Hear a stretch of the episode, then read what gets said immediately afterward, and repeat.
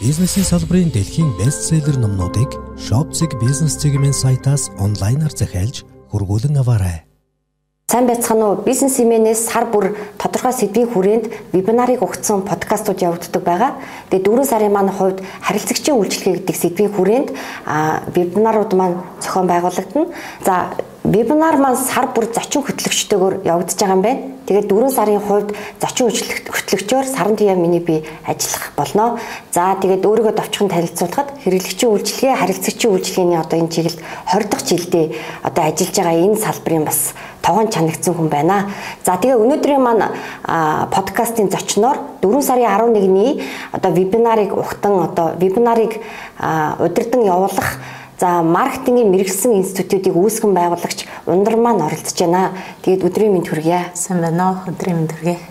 За тэгээд 4 сарын 11-нд болох вебинарын маань сэдэв болохоор хэрэглэгчийн дуршлагад тулгуурлан брэндээ зах зээлд хэрхэн байршуулах вэ гэд энэ одоо манай бизнес эрхлэгч нарт маш одоо хамгийн чухал юм сэдвийн хүрээнд өнөөдөр бит хоёр ярилцах гэж байна.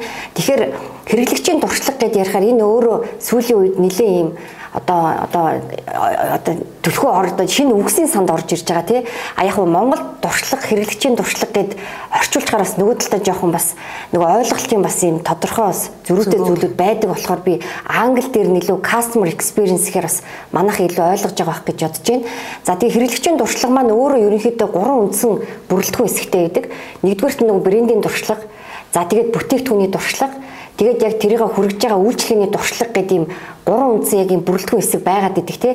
Тэгээд энэ өөрөө нэлээд шин орж ирж байгаа ийм ойлголт учраас өөрөгч яг хэрэглэгчийн дуршлаг гэж яг юу хэлэх вэ гэдэг манай одоо сонсогч үзэгч нарт маш товчхон бөгөөд энгийнээр тайлбарлаж өгөөч. За хэрэглэгчийн туршлага гэдээ орчуулагдчихад байгаа юм л да. Аа энийг бол ингэж хэлж болно. Одоо жишээлбэл бид нэр ямар нэгэн цэвэр ус авна штэ. Худалдаж аваад ингээ уух гэдэг. Тэнгүүд яг ямар цэвэр ус уух юм бэ гэдэгдээс бидний нэг туршлага гэж хэлэгдээд байгаа зүйл маань гарч ирнэ. Өөрөөр хэлбэл одоо та ингээ аяллаар явахдаа нэг пакеттай ус авах гэдэг штэ. Та жишээлбэл ямар ус юм? Би илүү зүгээр ингээд аюу надад ихтгэлтэй байдаг учраас бонок л их авдаг. За тэнгууд танд ингээд одоо жишээлбэл маш олон Монголд одоо үүдээ нэг 100 гаруй нэр төрлийн ус байна л да. Тэнгууд та жишээлбэл боноког сонгож байгаа. Өөр төрлийн ингээд нэг ус бодолтож авахар нэгдүгээр таны мэдхгүй байж болно. Мэдсэн ч өмнө нь одоо юу гэдэг аа тань таалагдаагүй ч гэдэг юм те эсвэл хин нэг нь энийг ингээд хэрэглэх юм бол ингээд юм байна ч гэдэг юм. Маш олон мэдээлэл цуглацсан. За тэгвэл яг нөгөө хэрэглэгчийн туршлага гэдэг чинь юуг нь хэлээд байгаа юм гэхээр таны тэр бүтээгдэхүүнийг яг юу гэж хүлээж авсан тэр хандлагач хэлээд байгаа юм. Өөрөөр хэлбэл анх юу гэж сонсоод хэрэглэх хүртлээ те та тэрийг юу гэд бодцсон юм бэ гэдэг л зүйлийг одоо өөрөөр хэлбэл таны хандлага хэлээд байгаа. Авах байхгүй юу? Жишээлбэл би одоо Бонакваг авахгүй байлаа гэтэнгүүд надад авахгүй байх хэрэглэгчийн туршлага байна гэсэн үг. Ямар нэгэн шалтгаан байна те. Нэг мэдэрсэн мэдрэмж байгаа тийм тийм? мэдрэмж нь байна хэрэглээд үтсэн. Одоо яг тэр нэг туршлага гэж хэлээд байгаа тэр туршлага нь байна. Эсвэл хүн амтнаас сонссон олон төрлийн мэдээлэл байна те сайн ч гэдэг юм уу ч гэдэг юм гих мэтлийн зүйлүүд байгаа байхгүй нөлөөлөд байна гэсэн. Энийг л хэрэглэгчийн туршлага буюу одоо нөгөө гадны хараа болохоор customer experience гэдэг үг нөлөөлөд байгаа гэсэн үг. За тэгэхээр тийм нөгөө заримдаа хэрэглэгчийн туршлага гэж орчуулаад заримдаа бид нэр хэрэглэгчийн мэдрэмж гэж орчуулаад эсвэл ингээд нөгөө худалдаа авалтын дараах тэр өөрт нь төрсэн сэтгэгдэл ч юм уу те иймэрхүү зүйлэр ингээд аюу өөр өөрөөр тайлбарладаг штэ. Тэгэхээр өөрөө чи хувьд одоо энэ чиглэлд нэлээд бас дагнан үйл ажиллагаа явуулж байгаа маркетинг институтийн хувьд Монголд өөрөө энэ хэрэглэгчийн туршлага гэдэг ойлголтыг манай бизнесийн ер нь одоо яг хэр ойлгосон байдгийг энэ одоо хэрэглэгчийн туршлагыг бизнестэй илүү одоо тий олж хараад энэ чиглэлийн одоо үйл ажиллагааг одоо төлхөө хэрэгжүүлж байгаа ийм чиг хандлагыг ер нь одоо аль төвшөнд явж байгаа гэж өөрөө ер нь үзэж байна аа нөгөө шинэ үг орж ирээд тодорхой хэмжээний нөгөө байр суурь зөвхөн тэр үг нь нэвтрэх гэж өөрөө 5 жил болдог тий. А тэрний үйл ажиллагаа нь өөрөө нэвтрэх гэж дахиад нэг 5 жил өөрөөр хэлбэл нэг шинэ үг нэвтрээд түүний үйл ажиллагаа нэвтрэх гэж 10 жил болдог гэж үздэг байгаа байхгүй юу? Тэнгүүд одоо саяхнаас л яг нөгөө хэрэглэгчийн туршлага гэдэг зүйлтэй experience гэдэг зүйлийг манайх маркетингийн хүмүүсүүд ажил дээр нэвтрүүлээд хэллээ л тий. Хамгийн сайн нэвтэрсэн газрууд бол манай том том худалдааны төвүүд loyalty card гаргасан тий. Та одоо манахаар үйлчлүүлэх юм бол loyalty card уншуулах уу тий. Тань тийм манай энэ тэр дэлгүүрийн карт байна уу, энэ дэлгүүрийн карт байна уу гэдгээс хамгаалаад За нэгдүгээр тэр нь энэ дээр өөрөө яг юу цуглаад байгаа юм тэр маш том дата. Өөрөөр хэлбэл ундрам гэдэг хүний хувьд те яг хэдэн сарын хэдэнд ямар бүтээгдэхүүн яаж авдгийг тэрийг яг яагаад сонгодгийг тэнгуүтээ хүүхдийн төрс өдрийн хүртэл анх ингээд нөгөө карт авахтаа нөгөө төрс өдрийн тэр бөглөдөг штэ те тэнгуүт одоо тийм хүүхдэн хэдэн сарын тэдэнд ингээд төрсөн юм байна. А эргээгээд энэ хүүхдүүд чинь манай хэрэглэгч болох гэж байгаа юм байна. Хэрэглэгч болох гэж байгаа учраас ээж нь одооноос энэ хүүхдүүдээ ийм ийм бүтээгдэхүүнээр ингээд нөгөө нэг өөрсдөд нь одоо хэрэглэгчийн туршлага гэдэг зүйлийг бий болгоод байгаа юм байна. Тийм учраас бид нар одоо энэ хүүхдүүдэд 10 жилийн дараа гэхэд энэ нь өөрсдөнд нь санал болохоор маркетинд ийм үйл ажиллагаа хийх учраас ийм ийм бүтээгдэхүүнийг нөөцлөд байж ах хэрэгтэй юм байна гэх. Тэр болгоноор нь одоо тэнгууд одоо жишээлбэл 2006 онд төрсэн хүүхдтэй би ингээд юм авдаг байлаа гэж бодъё шүү дээ. Э нөгөөх маань ингээ 25 хүрээд ирэнгүүт эргээхэд нөгөө дэлгүүрийн зардаг болох гэдэг байхгүй. Тэнгууд 2006 онд төрсэн нэг жижигнээ хүүхдүүд манай дэлгүүрээр үйлчлүүлэх юм байна. Тэгэхээр бид нар барааныхаа татаа авалтыг ингэж хийх хэрэгтэй юм байна. Маркетингаа тэднэрт зориулаад шинэ үеийнхэн зориулаад ийм үгээр хийх хэрэгтэй юм. Яг тэлэр эднэр тухайн үедээ одоо бид нар ингэж хүндэлдэг хүн гэж ярьдаг гэсэн бол одоо краш энэ төр гэл те. Наа ч өстө ямар гоё юм бэ гэнгүүт гал гал гэдэг ч юм те. Тэр маркетингийн үг хэлгүүт хүртэл ингээд магадгүй дагалдах бол өстө бол дагалдан ч гэдэг юм. Энэ олон зүйл дээр тэр хэрэглэгчийн туршлага гэдэг зүйл маань нөлөөлөд байгаа. Хамгийн түрүүнд одоо ингээд зах зээл дээр нэвтрүүлсэн байгууллагууд бол тэр loyalty card гаргасан байгууллагууд байгаа тийм. Ааха.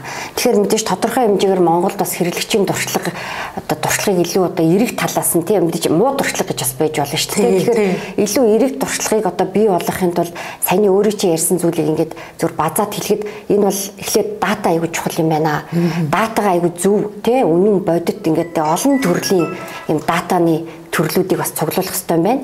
Тэгээд тэр датан дээрээ одоо жишээлбэл саран туй яг ямар одоо тийм нэг зан төлөвтэй хүн юу авдیں гэдэг энэ дата дээр суурилсан одоо ирээдүйн чиг хандлага тодорхойлох юм байна тий. Тэгэхээр дата өөрөө хэрэглэгчийн туршлагад одоо нэг номер өөрөө өөрөө бол хамгийн чухал гэж үзэж байгаа гэж ойлгож болох уу? Дата бол өөрөө чухал юм байна тийм. Одоо жишээлбэл нөгөө бас хүмүүсүүд энийг ингэж андуураад байдгийн хэрэглэгчийн зан төлөв гэдэг нэг юм байдаг. Хэрэглэгчийн туршлага гэдэг нэг юм байгаа байхгүй.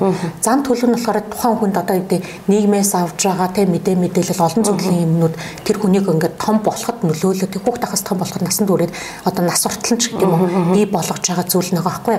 Аа хэрэглэгчийн туршлага гэдэг чинь одоо жишээлбэл би 80 та усыг ингээд авч уучаад энэ одоо гарт барихад ямар хэцүү юм бэ тийм арцгар биш тэгээд нөгөө одоо тэр мэдрэмж шүү дээ. Тэнгүүд би дахиж энэ одоо надад арцгар санагдаад муухай санагдвал би одоо жишээлбэл юм арцгар аяг авахгүй шүү дээ. А тэнгүүд хэрэглэгчийн туршлагыг бид нэр өөрчилж болдог байхгүй. Зан тул бол өөрчлөгдөх айгуу удаан хугацаанд гэдэг бол хэрэглэгчийн туршлагыг өөрчлөхөд одоо соёлын бодлогоор гэсэн. Саяхан гэхэд бид нар чинь автобусны карт гэдэг зүйлийг хэрэгэлдэг байлаа шүү дээ. Манай хэрэглэгчийн зан төлөвтч байхгүй, хэрэглэгчийн тийм туршлагач байхгүй тийм оронд. А тэнгууд автобусны картыг яг нөгөө төр маань илүү их хүчтэй оролцсонгуудаа автобусны картыг хэрэглэхийн тулд 6 сарын турш реклам зарц сурчлагаа тэрийг соёлын бодлогоор явах гэх. Тэгээд бүр ингээд тэр соёлыг суулгахын тулд автобус болгон дээр бүр ингээд хүн зогсоодог тий. Автобусны картыг цэнэстэй автобусны картгүй орж болохгүй шүү гэл бүр цагдаатайгаа бүр нэг юм хянагч гэх тий. Картны хянагчтайгаа тэгээд жолоочтойгоо ингээд 3-ын 3 хүн зөвхөн нэг хүний карт оруулахын тулд тэр туршлагыг суулгахын тулд бий болгочихж байгаа юм. Тэгвэл туршлаган дээр нь бас юм гоч ирнэ тэр хүн карта мартдаг хүн байвал яах юм. Тий карт хэрэглэх ингээд хэрэглэж заншаагүй юм байл. Эсвэл нөгөө цэндэглээ дууссан байвал яах юм. тий орсон чинь нөгөө нэг амар дуурдаг шүү дээ тэгвэл эвгүй байдалд ороод ингээд бадчдаг банцнаасаа болоод дахиад үйлчлүүлэх үгүй юу тий. Тэгээ карта алга болгоно. Тэнгууд тэр хэрэглэгч чинь нөлөөлж болох маш олон зүйлүүд байгаа хгүй. Тэр туршлага хөрвүүлэл ямар ч лээсэн тогтмол хэрэгэлдэг болохын тулд тэр хүн тодорхой хэмжээний соёлын бодлогоор л явагддаг.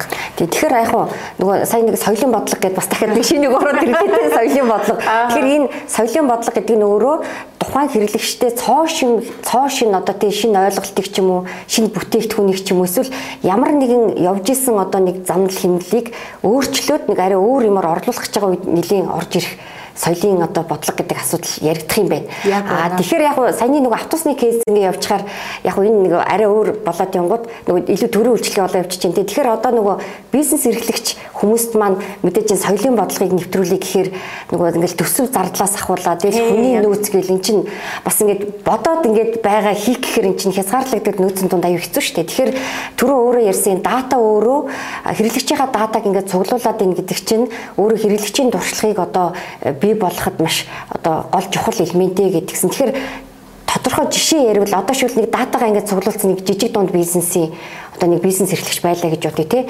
Тэгэхээр энэ датагаа тэр хүн хэрхэн ашиглаад одоо илүү тэр гоё брендийг үүсгэж болдیں۔ Та нэг маш одоо нэг түгээмэл одоо үр дүнгүй өгдөг юм гурван одоо аргачлал ч юм уу тий алхам ч юм уу тиймэрхүү юм зөвлөл. Энэ дээр нэг ингэдэг юм.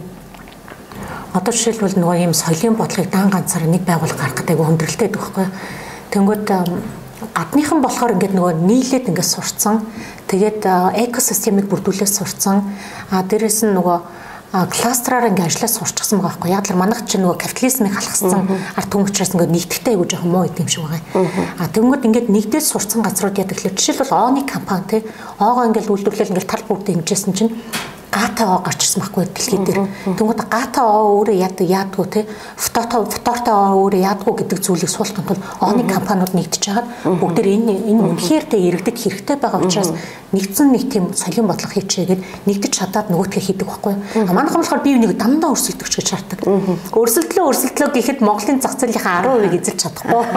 Тэгэхээр нэгдэх нэг тийм хамгийн түрүүнд та нэгдэх хэрэгтэй гэсэн. Нэгдэх хэрэгтэй. Одоо жишээлбэл тэгэхээр ижил төрлийн үйл ажиллагаа явуулж байгаа компаниуд тухайн хэрэглэгчээс сурахын тулд нэгдэх систем байна. Яг үнэн. Яг үнэн. Одоо жишээлбэл кофений зах зээл дээр хүртэл те манай Монголд ингээ кофенууд дандаа найруулдаг кофе хийжсэн нь одоо кофе шоп хийж тэр кофе шопын бүх газрууд дээр шинээр найрсаг үйлчээр яг нэг төрлийн бүтээгдэхүүнүүд зарна.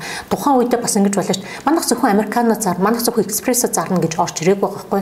Яг л нэг чиглэлийн адилхан кофенуудыг зөвөр өөр өөр үрээр энэ чэжэнлэр кофе нэрлээ латте гэж үү, американо гэж үү гэдгийг ойлгуулахын тулд гэж орж ирж ш. Яг үүнтэй адилхан гэсэн үг. Нөгөө талаар одоо манад шүү дээ үндэсний үйлдвэрлэгч нар байна шүү дээ. Тэнгүүд нөгөө хүмүүс чи тус тусдаа ингээл юм юм хийгээд байдаг. Тэгсэн мөртлөө за бүгдээрээ нийлээд ноолуурын цамцыг монголчууд өөрсдөө бүр ингээд номер нь хэрэгэлдэг болоё гэд нэгдсэн нэг тийм маркетинг хийх хэрэгтэй гэсэн л боддог. Тэгвэл хүмүүсүүд ингээд за ингээд өвлийн үйлрэл дулааны үйлрэл боллоо. Бүгд ноолуурын цамц амсъя. Тийм ингэж яаж юм л Тэнгүүд нэгдсэн нэг хэрэг хийж чадах юм бол уг нь тэр үр импакт одоо тэр буцаад тэр бизнес ирэх гээд байгаа одоо үр нөлөө нь бол нэлээд өндөр ач холбогдолтой юм байна. А гэхдээ би нөгөө талаар асууж ингээд нэгдэн нийлхийг хүлээгээд байвал ингээд би жишээл ингээд бизнес эрхэлдэг болоо өгсөн шүү дээ. Тэгээ нөгөө гуравтайгаа ингээд ойлголцох гэсээр цаг хугацаа алдаад байхаар би зүгээр дангаараа яаж түрүүний нөгөө датан дээрээ тулгуурлаад мэдээж нэгдэн нийлхээс өмнө бас нэг өөрийнхөө хэмжээнд ингээд хөрхөн ажлыг гэвэл тий. Одоо шүү дээ. А ямар нэгэн бүтээгдэхүүн чинь ерөөсөө ингээд масс хэрэглэгчдэд гэж хизээж байдаггүй. Жишээлбэл би энийг нөгөө нэг гутлын жишээн дээр тайлбарлах юм туртай л да. Гутал гингүүд масс уу? Масс. А тэгтээ дотроо эрэгтэй юу, эмэгтэй юу? А тэгээ бүр дотроо задрангуудаа өвлийн үү, гоёлын үү? Бүр илүү наривчилсан сегмент гаргах гэдэг шүү дээ гэсэн. А тэмүүс соёлын бодлогыг өөрөө одоо жишээлбэл би одоо нэг бизнес эрхлэгч, та нэг бизнес эрхлэгч байлаа гэхэд та яаж юм тэгэхээр яг тэр наривчилсан одоо энэ чинь нөгөө сүүлүүд хэрэглэгчийн персона гэж хэлээд байгаа шүү дээ, тийм. Яг тэр хэрэглэгчийн персона бол нарийн гардаг зүйл болохоос зүгээр аа тэдэс тэдэн насных ийм ийм ийм гэсэн нэг тийм хөнгөн гардаг зүйл биш байгаа байхгүй. Тэгээ тэрэнд бүр ингэ нэр өгдөг те. Дулмаа яг ойролцоогоор тэдэс тэдэн насны хүмүүс байна. Дулмаа өөрөө яг ийм цан чанартай, ийм хэрэглэгчтэй туршлагатай ийм хүн. Тэнгүүд яг тэр ихний ээлжин тэр дулмаа нарт зориулсан л одоо солийн бодлогод гарч эхэлдэг. Дараад нь батаа нарт зориулаад дараад нь үгүй үжингуудад ч юм уу. Ингээд нөгөөдөл чинь нийлдэг болохоос биш. Одоо үгүй за ерөөсө гоёлын одоо үгүй гутлын зах зээл гингүүд шууд ингээд ингэдэг гэсэн үг биш. Гоёлын гутал өмсдөг хүндэл гоёлын гутлын соёлыг суулгаад тэнгүүтээ ерөнхийдөө гутал гэдэг зах зээл рүү ордог гэсэн. Тэгэхээр одоо ингээд нэг ийм хэрэглэгчийн дуршлаг гэд хоёлаа яриа маань эхлэнгүүт илүү нарийн дата болоод эхэлсэн. Тэгээ датагаа ер нь бол бизнесүүд маань өнөөдрөөс ингээд маш сайн цуглуулж явах хэрэгтэй байна тийм үү? Оо яг үнэ. Тийм өнөөдрөөс ирээдүйд тэрийг ашиглах гэдэг шүү дээ. Тэгэхээр харьцангуй одоо бас миний хувьд бас нэлээх бизнес эрхлэгч нартай байн уулзаа явж байгаа. Бас л адилхан нөгөө бизнес эрхлэгч эмэгтэй байгаа. Тэгэхээр зэрэг датаг бас тодорхой хэмжээгээр анхаардаг болцсон байгаа. Тэгэхээр энэ дата маань өөрөө одоо саяны хэрэглэгчийн туршлага гэдэгт бас нэлээд ач холбогдолтой зүйл байх нь. За тэгэнгүүт дахиад дараагийн юм нь өөрөө сая дурдлаа соёлын бодлого ярьчлаа. Тэгэхээр одоо ингээд дата соёлын бодлого явахаар одоо нөгөө вебинарынхаа сэдвтэ ингээд уяад ботхоор нөгөө брендэд брендээ байршуулах гэдэг байгаа шүү дээ. Тэгэхээр брэнд байршихад одоо яг энэ саяны дурдсан зүйлүүд маань яаж уйлдэж орж ирэх вэ?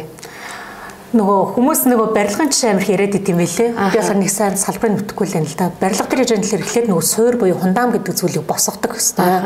А тэнгууд одоо жишээлбэл брэнд гэдэг зүйлийг үүсгэхийн тулд одоо түрүүн нөгөө нарийн сегментчилсан дулмаа гэж ярьсан тийм. Яг тэр шиг хүмүүсүүдэд зориулаад бид нэр одоо ийм хэрэглэгчийн туршлагатай ийм зан төлөвтэй хүмүүсүүдэд зах зээл дээр нэвтрэхэд ийм үгээр ийм онцлогоор ингэж нэг нэвтрнэ гэдэг хундам нь болж өгöd байгаа байхгүй. А манайхан ч болохоор бүх юм ингээд нөгөө цээжин дотор толгойн дотор ээжтэй штэ. За ер нь надтай л адилхан хүмүүсүүд л манайхаар ихний ээлжинд үйлчлүүлэг. Тэр нь одоо үгүй дан ганц эмэгтэйчүүд те миний насны эмэгтэйчүүд байна мэж гэдэг юм ингэж бодоод байдаг. А гэтэл яг ясам дээр үгүй те. Таны хэрэглэгч нь яг хийм байгаад байгаа. Ундрам гэж яг хий ингээд. Тэнгүүд одоо ундрамтай яг адилхан 10 шиг ундрамтай уулзаад тэрнийхэн талаар нэг жижигхэн зүгээр voice л хураачих хэрэгтэй байгаа байхгүй. За манай дэлгүүрээр нийтдээ 100 хүн үйлчлүүлсэн юм байна. Тэ манай байгууллагч 100 үйлчлүүлсэн. Ер нь тэдний тэдэн хувь нь ингээд ингээд ингэцээ Тэ ер нь байнгын худалдаа хүчин тэр байна. Ингээд тэр хүн тэмүүд яагаад байнга тэ хоёр удаа худалдаж аваад байгаа юм. Сонир байгаа зү. Тэнгүүд зарим нь ганцхан удаа худалдаж аваад байна. Тэнгүүтээ зарим хүн ингээд бүтэн жилийн хугацаанд нэг удаа худалдаж авчаа дахин худалдаа авалт хийх болж байна.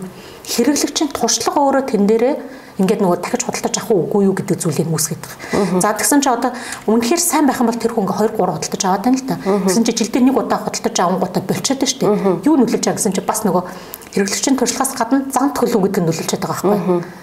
Одоо тэр зан төлөв дээр нь орчин тойрон моринтой амьдарч байгаа хүмүүсүүдийн нөгөө хэрэглэж байгаа шинэ юм ингээл нэвтрээд очингоо тийшээ ингээд нөгөө сонирхол нь ингээд яваад орчдөг хүн байж болно тийм.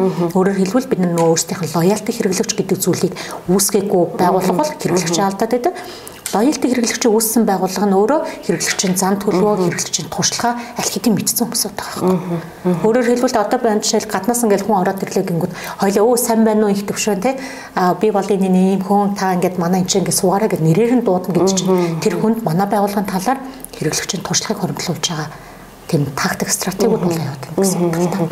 За тэгэхээр ерөнхийд нь саяны ярианаас ингээд ойлгоход хин давтан худалдан авалт хийгээд байна а хин нэг удаа хийчихэд огт ирэхгүй байх гэдгээ ямар нэгэн байдлаар бизнес эрхлэгч маань тэрийг нөгөө датагаа цуглуулж байгаа тэрэн дээр анализ хийгээд мэдээж ойлгох штеп. За энэ 30% нь бол ирээд идэх юм байна. 70% маань ирэхгүй байна. Тэгэхээр нөгөө дуршлага мэдхийн тулд нөгөө 70%-аа ямар нэгэн байдлаар холбогдоод та яагаад ирээгүй вэ гэд жишээлбэл асууж ээж тэр хэрэглэгчийн туршлагуудад тодорхойлно гэсэн үг үү? Одоо яг та одоо амар гой асуулт асуучлаа. Бид нэр хэрэглэгчийн туршлага гэдэг зүйл дээр ийм том дата бүрдүүлэхийн тулд эхлээд нөгөө одоо тэр хэрэглэгчийн анкетыг бүглүүлэх хэрэгтэй байхгүй. Тим тим тим юмтэй тий би одоо тим тэндээс ингэж ажиллаад нөгөө жижигхэн хүмүүсүүд бол ингээ анкетын аргаар судалгаа авдаг шүү дээ. Тодорхой хэмжээний судалгаа авчаад. За тэгмүүд тэр судалгааг бид нар хараа шууд нэг 3 сарын хугацаатай ч юм уу ингэж хийгдэхгүй хийгдэхгүй мэн л та дата маань өөрөө өөрөөр хэлбэл би бүтэн нэг жилийн хугацаанд ингээд хэрэглэгчийн бүх датануудыг цуглуулчих. Нас хөөс мөс ягаад хэдэн удаа манахаас авч нэг удаа худалдаа авахдаа 2 уу 3 уу нэг л удаа үйлчлүүлсэн үү заа гэд тэнгуүдээ тэрийг одоо бид нэг ангилах нь л да нэг удаа үйлчлүүлсэн те 20-оос дээш үйлчлүүлсэн 10-аас 10-аас дээш удаа гэхдээ нэг удаа үйлчлүүлэхдээ нэг дор 10-ыг авцсан те гэдэг ч юм уу юм тодорхой хэмжээний өөртөөх борлуулалтын худалдаа авалтуудаараа бид нэг ингээд ангилаад ялгах чинь гэсэн. За ингэнгүүтээ энэ маань эрхчил өөрөө өөрөөр байгаад байдаг байхгүй. Жишээлбэл за эрхчилийн борлуулалтын дээр бид нийтдээ ингээд 400 зарцсан байна. Тэгсэн чинь энэ жил 200 зарчлаа. Яагаад гэд асуултууд байгаа даа. Улирал яагаад нөлөөлөд байгаа юм? Тэгвэл өнгөрсөн жилийн 3 сард гэхэд те бид нар 300 зарсан юм байна. Бүх борлуулалтын орлогын те баг 90% ингээд зарсан юм байна. А тэгээ бусад үед ингээд зараагүй. Гэтэл энэ удаа яг яатсан гэсэн чинь улирал болгон дээр өөр өөрөөр зарагдсан юм байна. Гингүүд одоо нөх хэрэглэгчийн зан төлөв нийгмийн асуудлууд чинь нөлөөлөд нөгөө хичнээн туршлагатай байсан ч гэсэн нөлөөлөд байгаа байхгүй. Тэгэхээр өөрөөр хэлбэл та дата үүсгэж байгаа бол дор хаяж 3 жилийн датагаа цуглуул гэж байгаа. Энийг цуглуулахад маш амархан. Эхний ээлжинд та нь л борлуулалтын орлогын бүх зүйлүүдийг л эхний тоогоор тоогоор гаргаад заавал тухайн дулмаа гэдэг хүнээрээ биш. За ингэнгүүт нөгөө борлуулалтын орлого ч бүгд гараад ирчихэж штэ сүүлийн 3 жил. За тэгмэр 3 жил дээр бид нар улирлаараа ингээд нөгөө дүгнэлт гаргангуудаа за ер нь иймэрхүү төрлийн хүмүүсүүд нэлээд үйлчлүүлээд байгаа юм байна штэ гэдэг зүйл чинь нөгөө манай юугаар гараад ирнэ. А тайлан балансаараа тий. Тэгмээ тэн дээр бид нар ихний ээлжин за дулмаа гэдэг нэр өгчээ. Энтэй төстэй хүмүүсүүд ер нь орж ирэх нүгэд одооноос нөгөө бүр нарийн болгоод эхэлгэж байгаа юм. Тэгжж бид нар 3 жилийн датан дээр яж тэгэхээр өвлийн улирал гэдэг юм байна, зуны улирал гэдэг юм байна. Аа тэгээ энэ үед нь яж тэгэхээр нийгэм эдийн засаг юм юм. Сонгуулийн үеэр бид нар те энэ ингээд бүр борлуулалтын орлого байдаг юм эсвэл бүр их идэвчтэй юм байна. Аа тэгээ ингээд байжсэн чи одоо зүгээр нэг гадны нэг мэдээ шүү дээ. Аа нөгөө Tesla компани нэг альбасны тэг дистрибьютор компани нэгдлээ гэхтэл бид нар тэн дээр ингээд нөгөө нийгмийн мэдээг дагаж ингэж өөрчлөгддөг юм байна гэдэг зүйлүүд төр дата анализ хийдэг байх хэрэгтэй. За Энэ бол яг ингээд нэг хүмүүсүүд нарийн төвхтөө сонсогдож байгаа байх. Тэгтэл бодит байдал дээр эн чинь одоо ингэдэж шít. За би одоо өнөөдөр нэг 100 сая төгрөгийн ингээд борлуулалтын орлого хийгээд нөгөөх нь ашиг ингээд нэг 10 сая төгрөг авлаа гэдэг өгүүлбэр шүү дээ. Тэнгүүд тэн дээр зардал гэж юм? Зардал дотор амар олон янзтай борлуулалтын орлого гэдгсэн чинь амар олон янзаар ороод ирсэн тий. Яг тэрийг ингээд нөгөө задлаад үтсэн тий. Яг л адилхан энгийн зүйл ахгүй юу? Тэгээ манай дээр яг нөгөө хэрэглэгчийн туршлага гэхээрээ аймаа нөгөө дөнгөж сонссон шинэ үг учраас амар хүнд сонсогдоод байдаг. Та зүгээр хэрэглэгчийн туршлага гэдэг зүйлийг хөрөнгөлүүлээд үзьгээд нэг хэн сар ингээд нөгөө датан дээр ажиллаад үзэхдээ та хоёр дахь сараас эхлүүлээд яах ёстой гэдэг нь автоматар мэддэг болчихдээ. Тэгвэл би ийм мэдээллийг илүү их цуглуулах хэрэгтэй юм байна тий. А энэ хүнд ийм юм нөлөөлөд байгаа учраас энэ хүний хэрэглэгчийн туршлагыг нэмээр сайтар ингээд нэг хөрөнгөлүүлэх байгаа юм байна. Магадгүй ингэжсэн чинь таны бизнес дээр ч юм уу миний бизнес дээр хүмүүсүүд ингээд аа муу юм бичиж болдог шүү дээ. Тэ? Тий одоо нөгөө Facebook пэйжний доор хүмүүс чинь ингээд санал бодлоо аягүй чөлөөтэй комент бичээд ингээд илэрхийлдэг болсон байгаа шүү дээ. Тэнд ингээд юмнууд бичээд байгаа тийм үү? Тий. Тэрийг гэсэндээ буцаагаа дата болгоод ашиглана. Яг яг яг яагаад те нэг ч одоо нөгөө нэг хэрэглэгчийн туршлагыг сайн туршлага муу туршлага гэж хоёр ангилаад байгаа ч тэр байна. Муу туршлага байх юм бол та соёлын бодлого нэлээд сайн хийх ёстой гэсэн. А сайн байх юм бол окей заавал тийм амар хүн дээр томоор ингээд бодохгүйгээр энгийнээр зөвөр өдөр тутмынхаа үйлчилгээнд дээрээс нэг сайжруулалт нэг алхам сайжруулалт хийхдээ нөгөө хүмүүс чинь дахин дахин ирэх гэдэг л гэсэн санаа л да.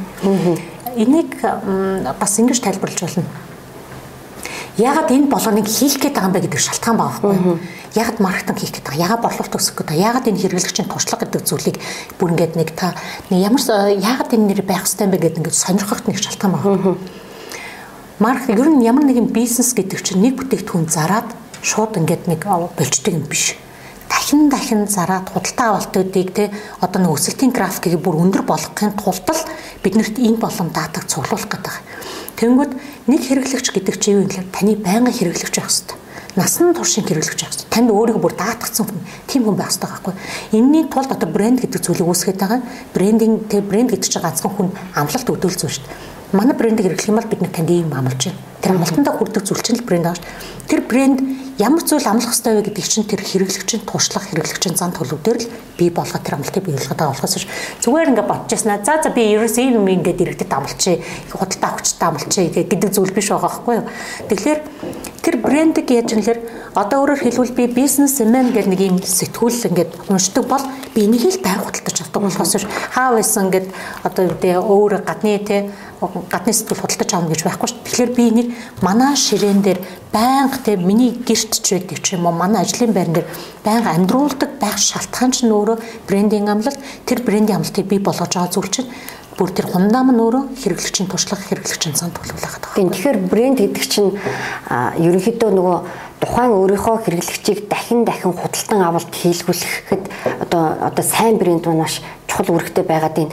Мэдээж бизнесүүд нөгөө хэрнийг шинэ хэрэглэгч олоод тэрийг ингээл нөгөө бусад үйлчлэгчтэй алдаад ах юм бол энэ дээр маш өндөр зардалтай. Тэгээ нэг шинэ хэрэглэгчийг олох зардал хуучин хэрэглэгчийг халамжлахаас хамаагүй хэд дахин илүү байдаг гэдгийг бол манай бизнесийнхэн мэдж байгаа. Тэгэхээр брэнд маань өөрөө тухайн өөрийнхөө хэрэглэгчийг өөртөө үнэнч байлгах гад хадгалаад мэдээж тэр хадгалаад байгаа хэрэглэгч маань дахин дахин худалдан авалт хийгээд тахаар компани мэдээж эцсийн зорилго нь мэдээж маш ашигын төвшин маань илүү өндөр баймаар ш тий.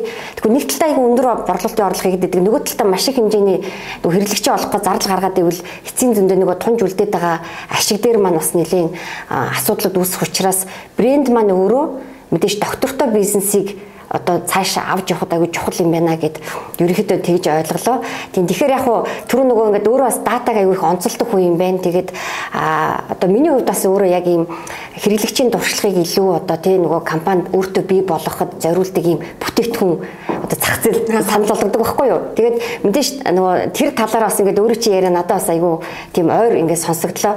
Тэгэхээр хэрэглэгчийн дата цуглуулна хэрэг хэцүү юм шиг гэдэг өөрөө түрүү дурцж тэгтээ аягүй амархан гэдэг. Тийм гэхдээ яг нөгөө амархан гэдэг нь хоёулаа ямар нөгөө багж хэрэгсэл ашиглаж байгаа гэдгээс бас надад миний хувьд бол тэр ажиглагдаад идэв юм шиг. Жишээлх юм бол одоо нэг хүнийг чамааг жишээлбэл те за энд ингээд нэг сайхан газар ухаатхаа гэд ямар ч хүр зөхгүйгээр чи энд ингээд нэг газ нэг гоё 2 метрийн гүн юм ух гэвэл чи ингээд гармараа ашиглаад аюу хэцүү ингээ аюу ингээд мэдрэмжүүл аюу онцгүй байх бол яг тэнд нь илүү жоохон технологи ашиглаад Одоо хүмүүс бол илүү Excel дээр датагаа бүртгэхэд байгаа байхгүй юу? Тэрийг арай жоохон технологи ашиглаад сүүлүүд нөгөө CRM гэж хэлээд байгаа програм хангамжуудаа ашиглаад тэгэл тухайн моментн дээр л орж ирсэн болгоно бүртгэхэд гар тэр нэг амар хэцүү шүү дээ. Бол айгүй easy явчих учраас бас тиймэрхүү төлөвлөд бас бид эдийн айгу хэцүүгээд нөгөө халгаад орохгүй байгаа юм дээр айгу амархан болохос боломжууд байдаг. Тийм тийм. А таны нөгөө яриан дээр чинь дэлгэрүүлээд ярихад одоо яагаад бид нар CRM-ыг ашиглаад байгаа гэдэг чинь өөрөө бас шалтгаантай шүү дээ. Бүх юм хөгжөөд байна. Тэ бүх юм хөгжөөд жишээлбэл одоо нөгөө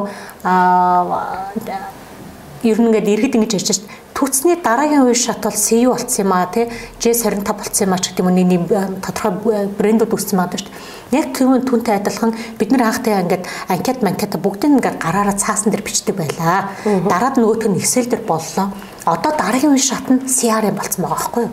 Окей, CRM-ыг бид нар та байгууллага дээр нэвтрүүлээгүй байвал sorry таны бизнес одоо яг нөгөө нэг өөрийнхөө энэ нөгөө нэг салбар дээр нэг шатар хоцорсон байна гэдгийг л ойлгох гэдэг юм. Тий. Яг тэр CRM-ийн нэвтрүүлээгүй байгууллага бол одоо нэр үнэхээр хоцрогдож байна. Тэгэхээр нэг төрөний туршлага мөршлөг гэж одоо яриад хэрэггүй болох гэдэг тий. Тийм тэгэхээр яг одоо нөгөө манай бизнесийн өмнө бол бид нар юу гэж ярьдаг байсан бэ гэхээр илүү хэрэглэгчийн сэтгэл ханамж гэж аюу ярьдаг байсан шүү дээ. Ер нь бол хэрэглэгчийн үйлчилгээ хэрэглэгчийн сэтгэл ханамж гэж ярьж байгаад одоо хэрэглэгчийн туршлага гэдээ ороод ирэнгүүт эн чинь өөрөө нөгөө зах зээлийнхаа хэрэгцээгээ тийм дагаад энд үг хүртэл өөрөө илүү өөр гарч ирээд байна гэдэг нь санаа бас агуулмж нь өөр болчиход байна гэсэн үг тий.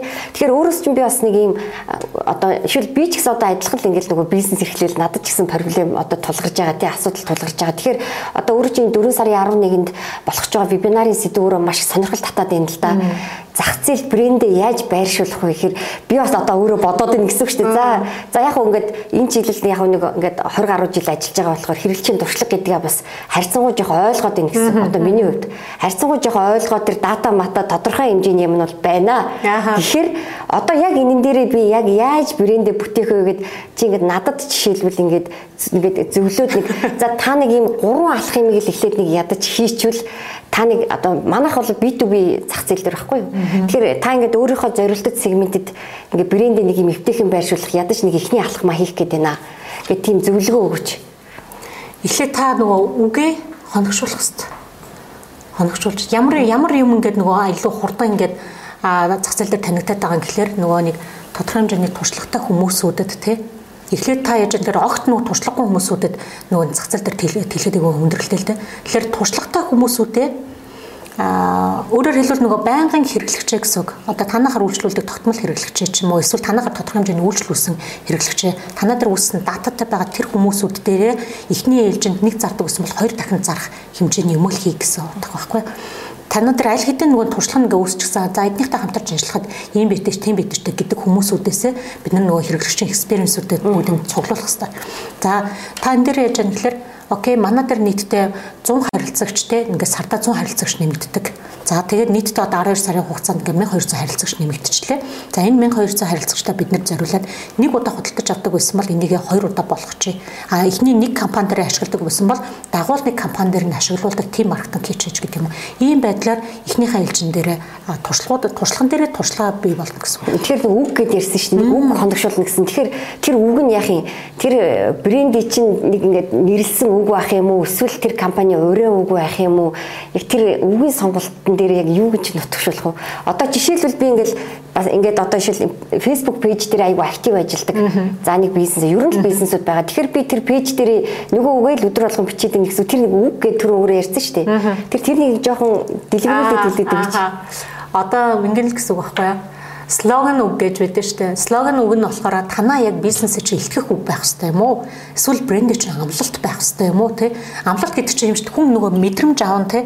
Жишээлбэл Calvin Klein-ы дотор хувцалд юм хөвн даван материалаар хийгддэг гэдэг мессеж үг ингээд дэлхийгээр тарцсан учраас аа хүм даван дотор хувц гингүүл хүм болгоны дотор өөрөөр хэлбэл тэр нөө Calvin Klein гэдэг брэнд нь орж ирээд байгаа байхгүй. Тэгвэл яг үүнтэй адилхан та одоо тэр мессеж үг тухайн хэрэглэгчдэд мэдрэмж төрүүлдэг мессеж үг байх юм уу? Эсвэл ингээд нэг сонсоод өнгөрөөд аа ингэдэг аа энэ бизнесийнхээ энэ үгийг их хэрэглээд идэв шүү гэдэг үг байх юм уу гэдгийг сонох хэрэгтэй гэсэн. Өөрөөр хэлбэл нөгөө брендинг концепт гэдэг зүйлийг гаргаж ирээд тэгээд тэр концепт нь ингээд бэлэн болсон байж хамаад айл үг нь ингээд хоногшоо гэдгийг гаргаад ирчихнэ гэсэн утгатай л да. За тэгээд үгээ гаргаж ирчээд одоо нөгөө хоногшуулах ажлуудаа. Тэгээ хоногшуулах ажлаа. Энэ дэр одоо бол ерөөсөө контент бол маркетинг хаан болсон тийм. Та контент хийх хэрэгтэй. Одоо контент хийхээр чинь Манад чинь дэлхийд бол ингээд нэг төрлийн үгийг ингээд мессеж хэлэхэд бол асуудалгүй. Манад болохоор үе хоорондоо гараад ирсэн. Тэг бүр ингээд залхамж халаан ингээд хоцрогдсон. Өөрөөр хэлбэл одоо ч яж тэр хэрэглэгчээр 5 англиад шүү дээ. Ганцхан мессеж үгийг хэрэглэгчдэд ойлгуулахын тулд 18-аас 25, 25-аас 35, 35-аас 45, 45-аас 55, 55-аас дээш гэдэг. Өөрөөр хэлбэл 55 настай хүнд та мессеж үг хүргэсэн үгийг чинь 18-аас 25 настай хүмүүс ойлгохгүй уушлаарай залуучууд ойлгохгүй гэсэн үг шүү дээ. Тэгэхээр яаж юм тэгэхээр одоо ямар гоё ингээд чин сэтгэлд хүрсэн ямар гоё юм бэ гэдэг үгийг энэ энэ үеийнхэн хэлдэг байсан бол одоо нөгөө 18-аас 25-ын чинь гал гал гэдэг үгээр ойлгох гэдэг шүү дээ. Тэнгүүд таны тэр мессеж үг чинь таван янзаар хэлжиж Монголын нөхцөл бүх хэрэглэгчтэй мэдээлэл хүргэдэг болсон гэсэн. Тэгэхээр би одоо нэг ингээд айгүй нэг ухаалагч юм шиг яг ингээд нэг юм миний миний хувьд айгүй гоё санагдсан үгээ сонгочод байгаа шүү дээ тий. Тэгэл тэрийгээл байнга ингээд авахгүй юм тийм үү. Тэр чинь ингээд сегмент болгондоо зориулаад байгаа юм. Зориулаад. Тий. Одоо тэгээд нөгөө сүүлийн үед нөгөө нэг залуучууд чинь нөгөө сошиал платформ дээрээ нөгөө өөрсдөө контент бүтээдэг ингээд насны ангилуудтай хүмүүсүүдэд хүмүүстэй хамтарч ажиллаад байгаа шалтгаан тэр байгаа байхгүй юу тий? Одоо нэг нэг 3 4 залуучууд нийлээд нэг хөрхэн контент хэлдэг нэг гэр бүлийн хоёр нийлээд нэг контент нийлдэг тий? Тэнгууд тэр болгон дээр л гэсэн утга.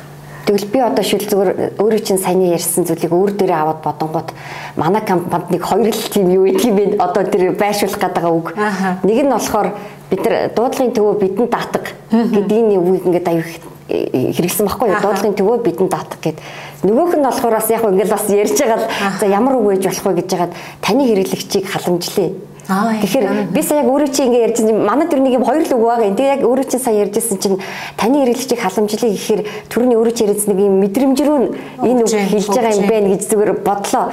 А яг тэр дуудлагын төвөө даатах гэдэг нь бол яг бас мэдрэмж юм уу эсвэл зүгээр өөр юм уу? Би сайн мэдэхгүй юм л да. Нэг юм ал даатах гэдэг тий. Одоо жишээл Монгол улсад бүртгэлтэй тэгээ татвар төлдөг 40 мянга гаруй жидүү шүү дээ.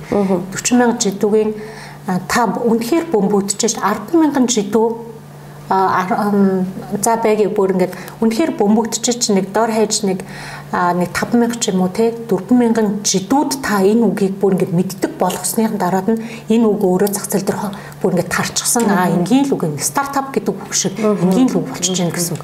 Тэгэхээр дуудлагын төв гэдэг нэг төрөний хэлжсэн шиг шинэ үг байгаа байхгүй одоо тийм Монгол улсад сууршаад нэг өсрээд нэг 5 жил ч юм уу те нэг 4 жил хавцаал болж байгаа тийм нас залуу үг байгаа байхгүй юу.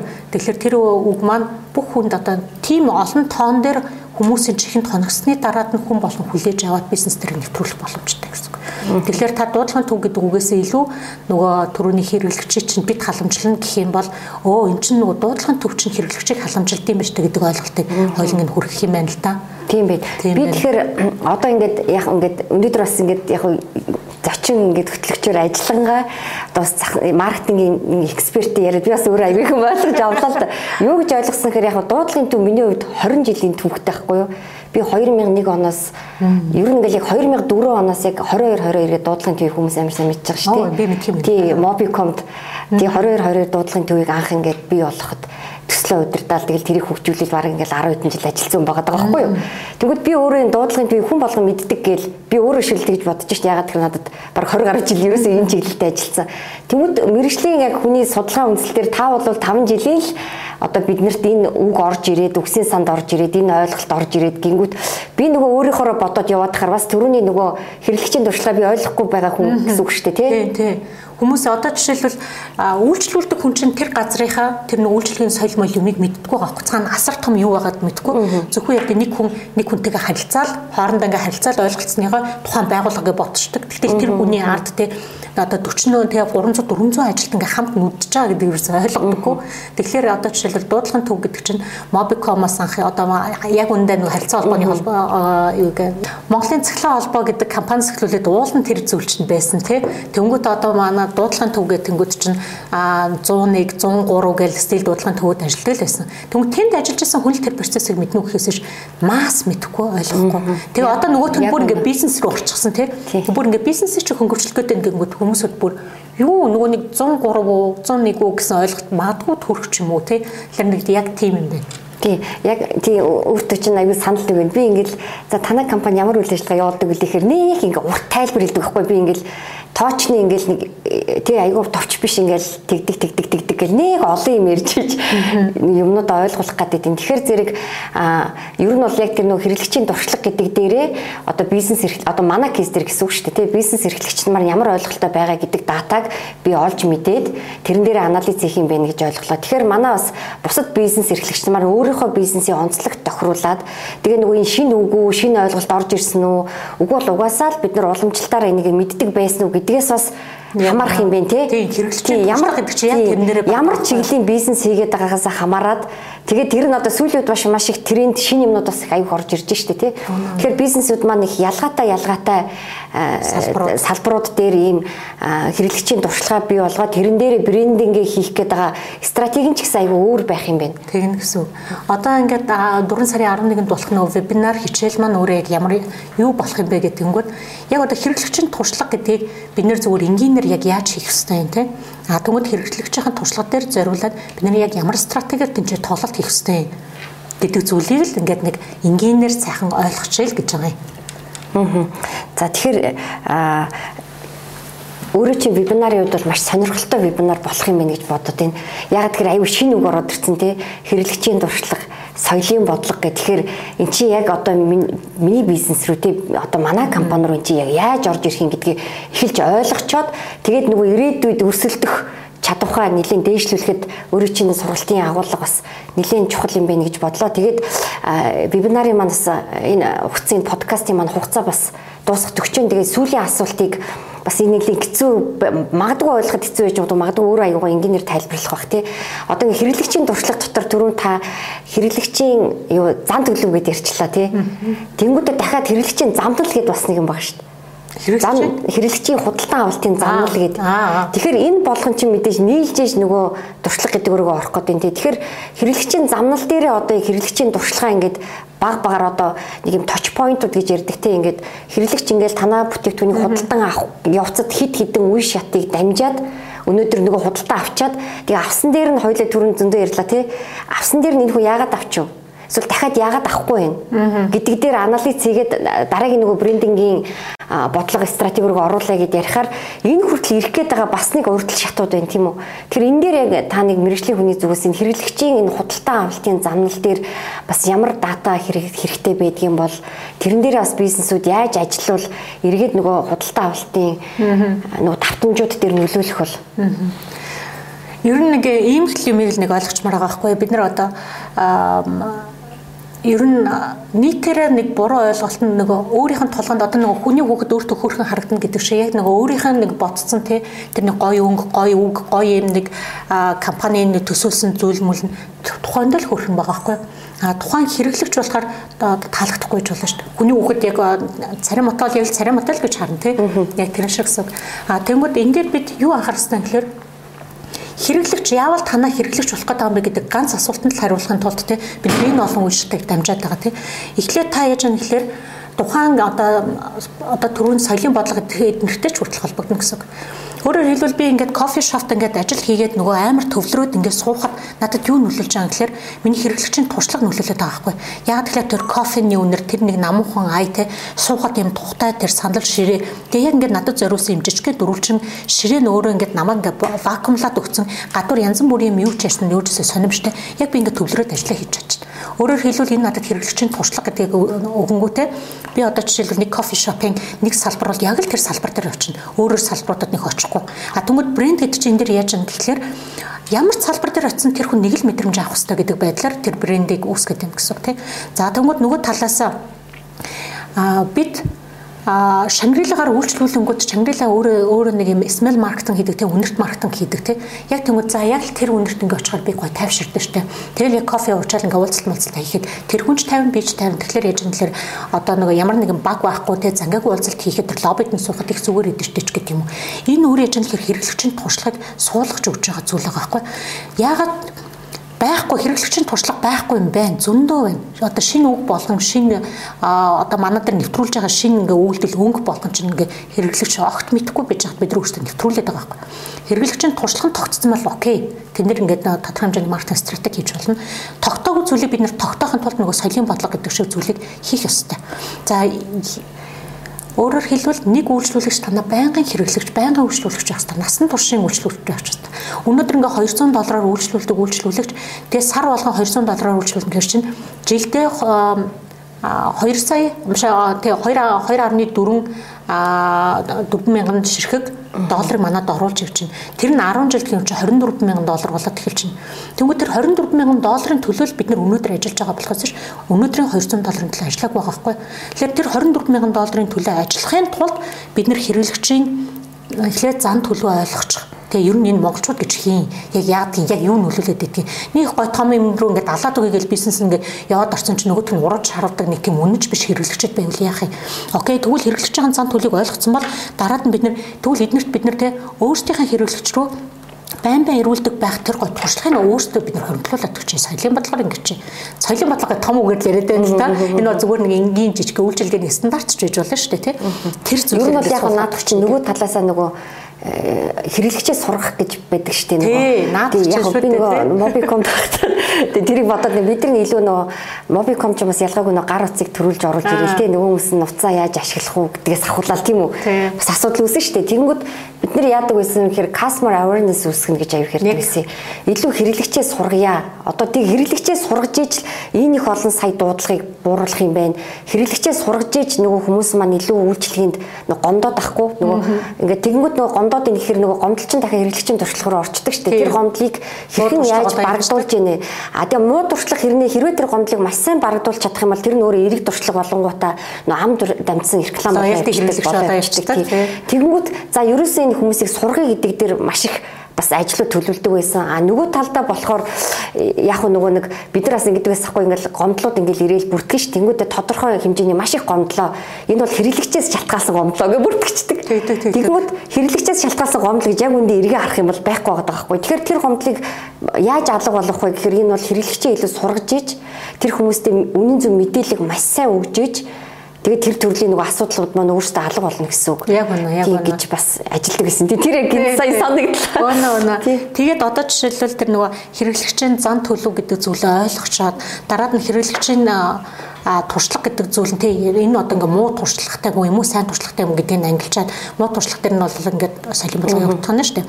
За тэгээд дараад нь яаж юм гэхээр энэ хэрэглэгч юун дээр ингээ пойнтлаад байгаа юм бэ гэдэг зүйлийг одоо нөгөө түрүүний таны хэлдэг нөгөө замнал руугаа оруулах ажил нь хийгддэг байгаа байхгүй юу. Тэгээд нэгэн л одоо ингээ танаа газрын зургийг чи барьсан би энэ газраар ингээ орондоо гэд яг ингээд нөгөө таны чиглүүлж өгсөн замаар чинь тий реклам зар сурчлагаа байна уу тий тэр урамшууллын бодлого байна уу эсвэл очингууд гань маш гоё юм нэг гоё мэдрэмж өгөхөр үйлчилгээ байна уу гэдэг тэр нэг юм цэгүүдээр л ингээ дамжуулаад явчих юм бол окей нэгэнт ингээ танаа газрын зургийг бариад явцсан хүн бол гардаггүй Бид нар жишээлбэл хөвсгөл явлаа гэж нэг газрын зураг барьсан. Яг тэрнгээр явцсан бол яг л явдаг. Болохоос ш за зархангаар ингээд дайрчих гэдэг юм. Тэгээ бүр хаа байсан нөгөө нэг доронтоор орж агаад хөвсгөл явна гэж хизээш тэгдэг байгаа байхгүй. А ингээ явж хахад одоо нөгөө хэрэглэгчийн туршлага нь муу болгоод ирэх юм бол за за хөвсгөл явахаа болчихё. Энэ айгу балаа юм байна. Зам ам чи юм байна гэх нэг тийм онцгой мэдээлэл өгч. За тэгвэл ерөөсөө юм байна тий. Ерөөсөө сэлэнг очоод буцъя гэдэг процесс болох гэдэг байгаа байхгүй. Тэгэхээр тэр хэрэглэгчийн туршлагыг та аль бол тий дандаа сайн туршлага руу чиглүүлэх тусам Тэр нь өөрөө одоо тана байнга хэрэглэгч болно гэсэн.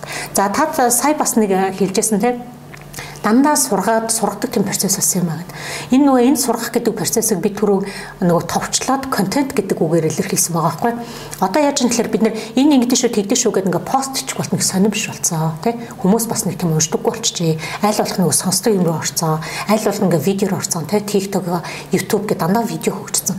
Тэнгүүд таны одоо нөгөө сургадаг систем чи яг нөгөө нас насныханд нь зориулаад тэр үеийн одоо дүр төрх болчихсон залуучуудтай тэр нэг яг нөгөө байр суурь олцсон хүмүүсүүдтэй хамтраад ажиллаж юм бол тэд нар яг өөрөө өөрсдийнхөө ойлгонгуудаа яг тэр туршлагаа бусадтайгаа хуваалцах тэр нөгөө боловсрал олгох төвшин рүү мэдлэг бодлох төвшин рүү явчихад байгаа юм.